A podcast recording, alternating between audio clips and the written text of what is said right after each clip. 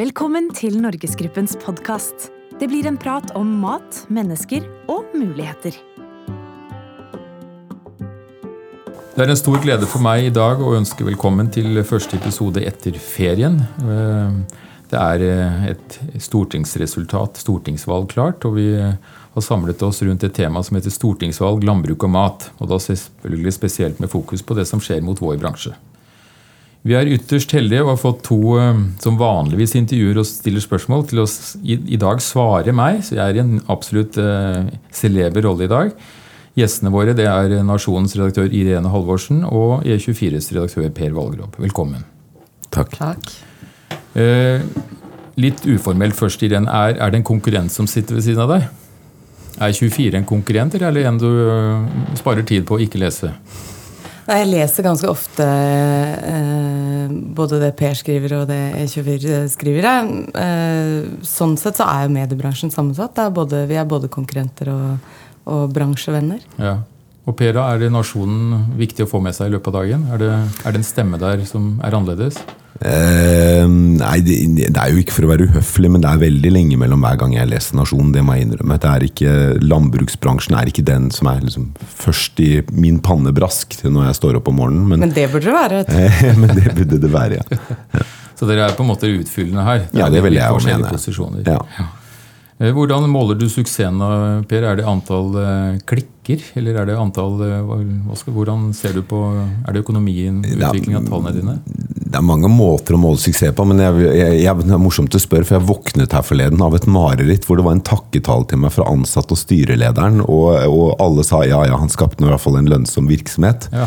Men fordi jeg kjenner jo ofte på det at jeg, jeg jobber mye med økonomi og administrasjon, og så er det lite tid i overs til det redaksjonelle.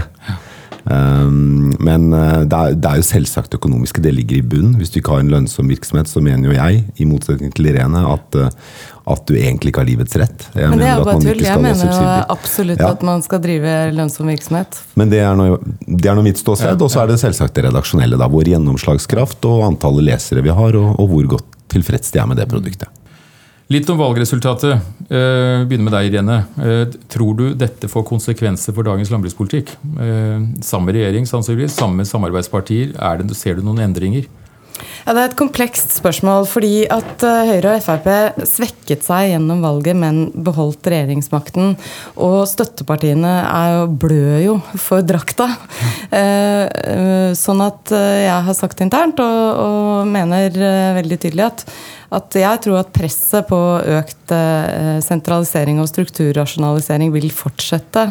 eh, Fordi det er et uttalt mål eh, for den blå-blå regjeringa. Så ble det satt opp noen grensesteiner både gjennom jordbruksforhandlingene og, behandlingen av jordbruksmeldinga i Stortinget. Hvor regjeringen gikk på tydelige nederlag, både knyttet til at lønnsomhet skal være eneste eller viktigste driver, men også en lang rekke andre grensesteiner. Men samtidig så er det jo sånn at når støttepartiene er så svekket, så vil jo de måtte eh, velge sine kamper i åra som kommer. Og jeg er usikker på om det er landbrukspolitikken som kommer til å ligge øverst for dem da, når de skal sette opp, eh, sette opp sine grensesteiner igjen. Og du ser jo også nå at Jon Georg Dale han utnytter jo det momentumet som er nå. Ikke sant? Arbeiderpartiet slikker sine sår, Venstre slikker sine sår, KrF slikker sine sår. Og Jon Georg Dale, hva gjør han? Jo, han tar opp igjen noe han faktisk tapte i Stortinget, nemlig kampen om opplysningskontorene.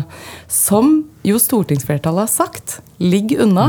Men han tenker at ah, her er det et rom. Eh, og jeg tror at regjeringen kommer til å bruke alle rommene de finner, til alle de sakene som de opplever at de ikke trenger å gå via Stortinget igjen.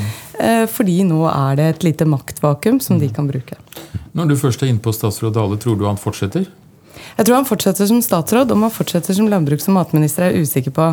Eh, av flere grunner. For det første så er det jo heller ikke gitt at Landbruks- og matdepartementet består.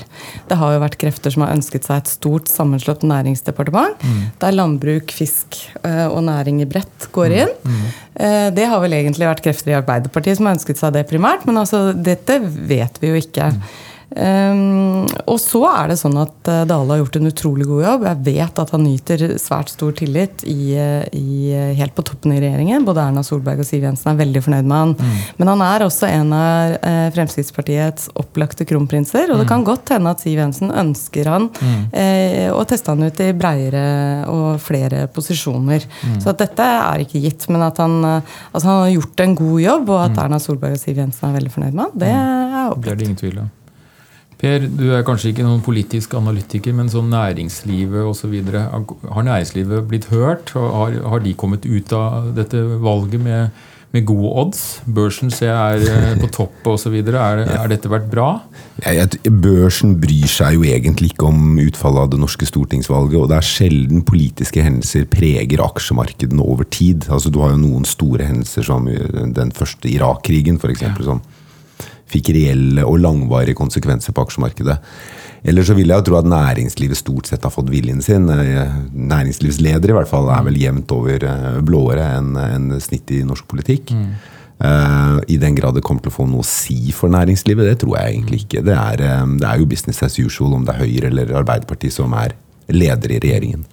Har du noen andre tanker rundt statsrådposter? Eh, Nei, det har jeg egentlig ikke. Men, også, men eh, det kan jo I sånne kabaler så, eh, så, kan jo selv de mest kvalifiserte kandidatene ryke ut av statsrådsposter rett og slett fordi andre skal inn, og må inn. Og hvis Venstre skal med regjeringen, så er de vel sannsynligvis ikke fornøyde før de får tre. Mm. Kanskje de kan leve med to poster.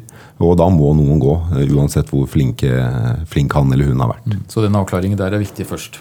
Ja, det vil jeg jo ja. absolutt tro. Eh, Irene, et, et, styrket Senterparti. Det har vi jo utvilsomt fått. En fenomenal valgkamp osv. Ser Dagens Nasjonen, så, så påpekes det her at ledelsen har ikke lyttet til distriktene. Eh, og der ligger mye av forklaringen på Arbeiderpartiets tilbakegang. Tror du regjeringen har tatt inn over seg at distriktene sitter eh, frustrert igjen? Er, har det vært et distriktsopprør egentlig som, som, har slått ut i Senterpartiets fremgang? Og får dette i så fall konsekvens for regjeringen fremover? Er dette noe de må lytte til? Altså, SV gjør et brakvalg, Senterpartiet gjør et brakvalg. SV og Senterpartiet går fram i absolutt alle fylker. Så at det har vært et distriktsopprør, det mener jeg helt bestemt. Men om det er noe regjeringen har tatt inn over seg, det virker ikke slik. Erna Solberg sa jo så seint som i går at hun eh, mener at hun ikke ser noe som helst slags distriktsopprør eh, gjennom dette valget. Og trekker fram Møre og Romsdal, hvor Høyre gikk fram. Det, og det er jo veldig eh, elegant plukket fram, fordi det er helt riktig at Høyre og Erna Solberg gikk fram der. Men, men Høyre tapte jo mange stemmer i dette valget. Eh, sånn at dette er, ikke noe, dette er ikke noe brakvalg for Høyre på noe som helst eh, vis. Eh, I gamle dager så lytta nok Høyre noe mer til distriktene og var et bredere parti. De orienterer seg hardere mot byene nå. Mm. Så jeg var litt overrasket over den uttalelsen, for den var oppsiktsvekkende tydelig fra Erna Solberg. Jeg tenker at den kanskje kan Eh, få en bumerang. Vi får mm. se. Ja, Det blir spennende å følge de nye kandidatene om Bygde Høyre er da heltid valg eller ei. Dagligvarebransjen, Per. Den har du fulgt fra VG og fra hva skal vi si, pressens side i mange mange år. Mm. Vi er jo en stor sektor, og vi får mye oppmerksomhet. Tror du ting fortsetter? Er dette stabile faktorer å sette søkelyset på, på makt? Volum, ja. forbruker, mat, matsikkerhet osv. Er dette noe vi bare må leve med? Ja, Politisk så tror jeg ikke det vil bli noen særlige endringer for dagligvarebransjen eller landbruksnæringen de neste fire årene. Um, og søndagsåpne butikker er vel uh, søndagsstengt i hvert fall de neste fire årene. Det var jo ingen, det var jo ingen vinnersak for denne regjeringen da den hadde større, et større flertall på Stortinget enn det den får nå. Uh, og nå med et svekket KrF, uh, som i hvert fall må stå på sine kjernesaker for å ha noe håp om å leve over sperregrensen om fire år, så er, kan de i hvert fall glemme søndagsåpne butikker. Så det blir sannsynligvis omtrent som, som nå eh, de neste fire årene. Hva, hva, tror du om konkurransen? Noen sier det er veldig sterk konkurranse. Noen tviler på at det er konkurranse i denne bransjen. Mm. Det er veldig mange hva skal vi si, analyser rundt det. Ja. Hva, fra ditt ståsted har jeg lyst til å høre? Nei, jeg tror at alle næringsdrivende opplever at det markedet de opererer i, har intens konkurranse. Det tror jeg vel alle vil si, uansett om det er objektivt sant eller ikke. Mm. Uh, og, og Norgesgruppen og, og, konkurrentene gjør vel sitt aller beste for å vinne mot konkurrentene. Mm. Selv om det er få aktører. Og det er det jo virkelig i det norske landbruksmarkedet. Det er jo ikke mange aktører. Eh, verken på grossistsiden eller på, på dagligvaresiden eller detaljhandelssiden. Eh, og uten at jeg kan liksom belegge det med, med, mye fakta, så er det jo generelt alltid sånn at jo færre aktører du har i et marked, jo mindre er konkurransen. Og det tror jeg man kan legge til grunn også i det norske markedet. På leverandørsiden er det jo svært knapt, da, med, med eh, politisk vedtatte rammebetingelser, som, som jo landbruket har. Mm. Irene, sett fra landbruket fra nasjonens ståsted, den, denne dagligvarebransjen, har vi noen spesielle utfordringer? Er det noe vi må skjerpe oss på? Forventninger? Fri tale? ja, altså under debatten om matmakt i Arendal, som, eh, som, eh, jeg ledet, så sa jo Senterpartiet, Arbeiderpartiet og Venstre at de ønsket å se på kjedemakten, og kanskje særlig på det med vertikal integrering. Som jo alle lyttere av denne podkasten veit hva er, men nesten ingen normale mennesker der ute i det helt vanlige samfunnet. Mm. Men, men, altså Norgesgruppen har skapt seg et utrolig sterkt grep ikke sant, om distribusjon av matvarer. Og med en, et regjeringsskifte så tror jeg at det ville blitt utfordra. Mm. Ehm, jeg tenker jo at eh, dere lever tryggere med det flertallet som er nå, så jeg har egentlig lyst til å stille spørsmålet tilbake. Du mm. må jo være veldig fornøyd med dette valget? du, jeg har ingen kommentar. Vi heier på alle partier. Vi er helt partinøytrale. Ja, men det er jo ingen eh, sånn, Uansett om det hadde blitt en um, Høyre-ledet regjering eller Arbeiderparti-ledet regjering, så er det jo ikke tradisjon i Norge for å bryte opp duopoler og sterke eierkonsentrasjoner konsentrasjon. Mm. Du ser jo ikke det bare i dagligvarebransjen, du ser det i finansbransjen, du ser det i telekombransjen, og du ser det i andre bransjer som er usedvanlig viktige for folk flest og mm. deres lommebok, men, men, hvor myndighetene, uansett politisk farge, likevel tillater en, en eh, godt over det sunne mm. av maktkonsentrasjon. Og, og det påvirker prisene, så vi forbrukere taper på dette. Det skjer jo litt politisk i bransjen vår i høst òg. Eh, vi vet at 1.10 så kommer det en, en rapport fra, fra, departementet som Oslo Economics har gjort på etableringshindringer. Den vet vi jo ikke så veldig mye om, så det er sikkert vanskelig å kommentere. Men det vi vet litt om, Irene, er jo denne prisportalen som har sett dagens lys. Eh, I Arendal, av alle steder, ble den lansert. Den er oppe og går. Den følger jo da x antall varer, i utgangspunktet hver uke osv. Hva tror du? Starten, har den vært grei? og Litt uh, tråklete kanskje, men hva tror du videre? Nei, Jeg sier bare uff og uff. Ja. Det er utrolig mange penger for uh, veldig liten verdi. og så gir det jo forbrukerne eh, noe som de allerede hadde gjennom VG Smart Børs, nemlig veldig hard kontroll akkurat om prisen, men det sammenligner jo litt sånn Altså, spørsmålet er jo hva du sammenligner. Da. Og mm. veldig mange, Hvis man først skal snakke om trender i forbrukermarkedet også, så er det jo opplagt en av trendene i forbrukermarkedet er jo også å vite mer om maten. Hvor kommer den fra, hva er mm. bakgrunnen, hva er historien til denne poteten, eller hva du nå uh, tar for deg av matvarer. Og da gir jo ikke den prisportalen noe merverdi. Um, sånn at uh, jeg er vel ikke overbevist om at jeg syns det er tolv eh, veldig godt brukte millioner. Jeg kunne brukt de millionene bedre. Det er jo penger rett ut av bøtta. Ja, altså, det er jo bare bortkasta penger. Alle, alle, og Du ser det jo spesielt i offentlig forvaltning og sånne tilsyn og råd. og sånn, De tenker jo at man, vi må jo ha en app. Mm. Alle må ha en app. Og så er det et eller annet konsulentfirma på, på Grünerløkka som henter inn 10-15 millioner utviklingsinntekter på, på, den ideen om at vi må ha en app. Eh, men hva er da trender i, blant oss forbrukere? da? Noen vil jo ha lavere priser, og de vil alltid ha lavere priser. Andre er jo, som Irene sier, sånne som er mest opptatt av hva, hvordan er saltinnholdet, eller er det palmeolje, eller mm. ikke sant? Og, og, så er det andre igjen som sånne som meg, da, som har små barn, som elsker disse matkassene på døra. fordi ja. da slipper jeg å stille spørsmål til samboeren min hele tida. Hva skal vi ha til middag? Ja. ikke sant? Og det er jeg villig til å betale en ganske ja. høy overpris for, å slippe å stille det spørsmålet tre ganger i uka. Det, så det, Eller eventuelt grunn... lage den maten, da. ja, ikke sant? Ja, nei, men det er jo, du lager jo maten fra grunnen, for så vidt, men du mm. slipper å liksom kjøpe inn alle råvarene. Du slipper, å, bestemme menyen, ikke sant? og det er utrolig deilig. Men, men det er nå bare mitt behov. Men, men, det er veldig mange behov, og, og det, den, denne appen løser jo bare ett av dem, og ikke på noen veldig god måte heller. Og det å utvikle en app er jo det, det vet vi ganske mye om. Vi har brukt et år på å utvikle vår i E24, og det er dyrt, vanskelig, og du skal treffe svært godt ja. på behovet. Nei, men Da tror jeg prisportalen er ferdig snakka. For å si det sånn. Eh, søndagshandel det har jo vært i hvert fall i forrige regjeringsperiode, stortingsperiode en, en, en, heftig debatt, og som la seg. Kan den ta seg opp igjen? Vi får nå et utvalg som legger frem en rapport. De har vært og sett på forholdene og studert eh, Danmark bl.a. Er det en debatt som også ligger litt nede, litt i skuffen, tror du, Per? Ja. Ja, Den tror jeg er eh, i skuffen for å støve ned. Ja, akkurat. Ja.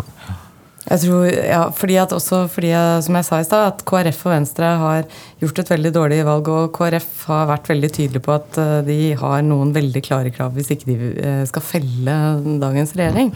Og i de fem punktene som ble nevnt da, så var søndagshandel og alkohol Tilgang på alkohol tre, to av fem eh, punkter. Hvis du skal ha KrF på lag, så, ønsker, så Så du tukler ikke med hviledagen. Ikke sant? Det er jo ganske, det er liksom ganske åpenbart. åpenbart. Men jeg tenker at det er andre ting Det er jo en del andre ting som har ganske stor eh, innflytelse på eh, landbruk og matproduksjon i Norge, og som egentlig ligger helt utenfor eh, Landbruks- og matdepartementet. Altså det handler om Egentlig så er jo eh, veldig mye av rammebetingelsene for eh, matproduksjon i Norge nå vil ligge i Miljødepartementet, det vil ligge i Næringsdepartementet, det vil ligge i utenriks.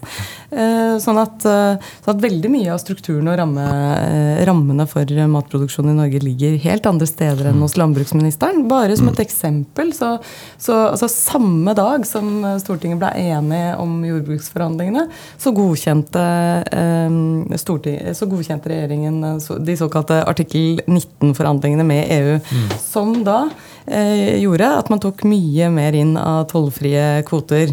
Eh, og det fra et EU som, hvor melkeprisen er i fritt fall. altså Bønder taper på å produsere melk i EU. I 2020 så går eksportstøtten for Jarlsbergost ut. Det betyr at vi høyst sannsynlig kommer til å ha stor overproduksjon av melk i det norske markedet.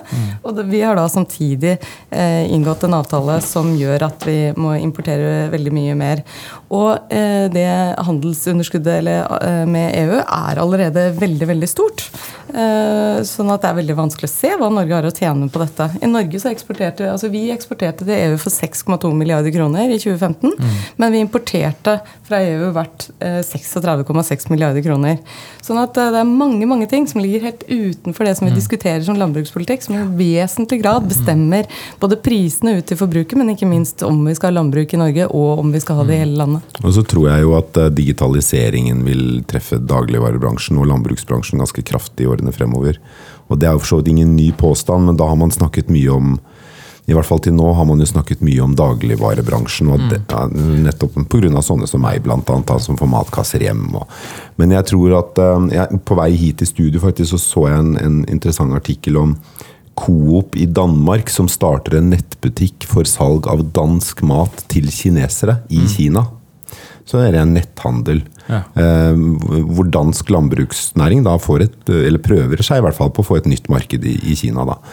Og jeg tror at eh, også landbruksnæringen vil bli i mye større grad utfordret av eh, utenlandske leverandører av, eh, av mat av minst like høy kvalitet. eh, Men på andre måter enn tidligere. Så digitaliseringen eller globaliseringen eller hva du enn velger å kalle det, tror jeg jo ikke gir seg, selv om Senterpartiet øker i oppslutning i Norge. Så overraskelsene kommer kanskje mer fra, fra businessverdenen enn fra det og- politiske livet? Ja, jeg tror det, og det ser du jo, det ser du jo i de aller fleste bransjer. At, at driverne er jo Driverne for endring eh, flyttes jo stadig lenger, lenger vekk fra politiske beslutninger. Eh, og mer og mer over på globale trender og globale selskaper. Sant? Som det er, er driverne her. Og det tror jeg vi vil se i, i, i raskt økende grad i både i landbruksnæringen og i dagligvarebransjen. Før vi runder av eh, dette med den store utfordringen for, for kloden vår, altså CO2-utfordringen, bærekraftsutfordringen vår, så er det i hvert fall noe som heter avgiftspolitikk i Norge, Irene. Dette med momsfritak på frukt og grønt, det å være forebyggende i forhold til å spise riktig. Noen snakker om eh, full moms på kjøtt, og noen snakker også om en, en kjøttavgift på, på mørkt kjøtt, rødt kjøtt. Tror, tror du regjeringen vil, vil ta i sånne verktøy av helsemessige eller bærekraftsmessige målsettinger? Ja, Det er mulig, men det skal sies at forebyggende arbeid eh, er ikke høyprioritert i Norge, og det har aldri vært det. Selv om helseminister Bent Høie er opptatt av det, så har, det er en tung vei å gå i Norge. Rett og slett fordi at det tilhører to forskjellige utgiftsposter. ikke sant? Hvorvidt du, men, men det er jo helt opplagt. Alle veit jo det. Ja. At hvis du lever sunnere, så får du mindre helseutgifter. Um, men um, Så det veit jeg ikke egentlig. Jeg tror uh, det er mange ting å si om avgifter. Jeg tror også plastposeavgift uh, kan være noe som kan komme. Eller bare et rent forbud. Det er noe som slår inn over store deler av verden. 16 afrikanske land har forbudt plastposer. Vi, uh, og plastposer har en opplagt sånn klima... Altså, du kan kjøre mye bil fordi plastposen du bærer varen din Og så er det ofte sånn det er- jeg, jeg har begynt å tenke på det i det siste. Det var sikkert etter at jeg leste om den navalen og hvor mye plast den hadde i seg, som veldig mange, jeg tror veldig mange så i sosiale Ja. medier. Men hvor ubegripelig mye plast du får kasta etter deg når du går inn i en matbutikk. Mm. Det, er, det er altså så sløsing med plast. Nei, det er et tema vi diskuterer, så det skal jeg love deg at vi kommer sikkert tilbake til. Og det tror jeg også kommer til å oppta forbrukerne mer fremover. Vi får reaksjoner Ja. på, på overemballering osv. Folk er, er opptatt av disse tingene. Det kan jeg forsikre om. Men med det så ønsker jeg å runde av for i dag. Tusen takk for at dere kom, både Irene og Per. Takk. Hjertelig takk. Takk. Abonner på Norgesgruppens podkast i iTunes og på Soundcloud. Besøk oss på norgesgruppen.no. Gi oss gjerne tilbakemelding på Facebook-sidene våre.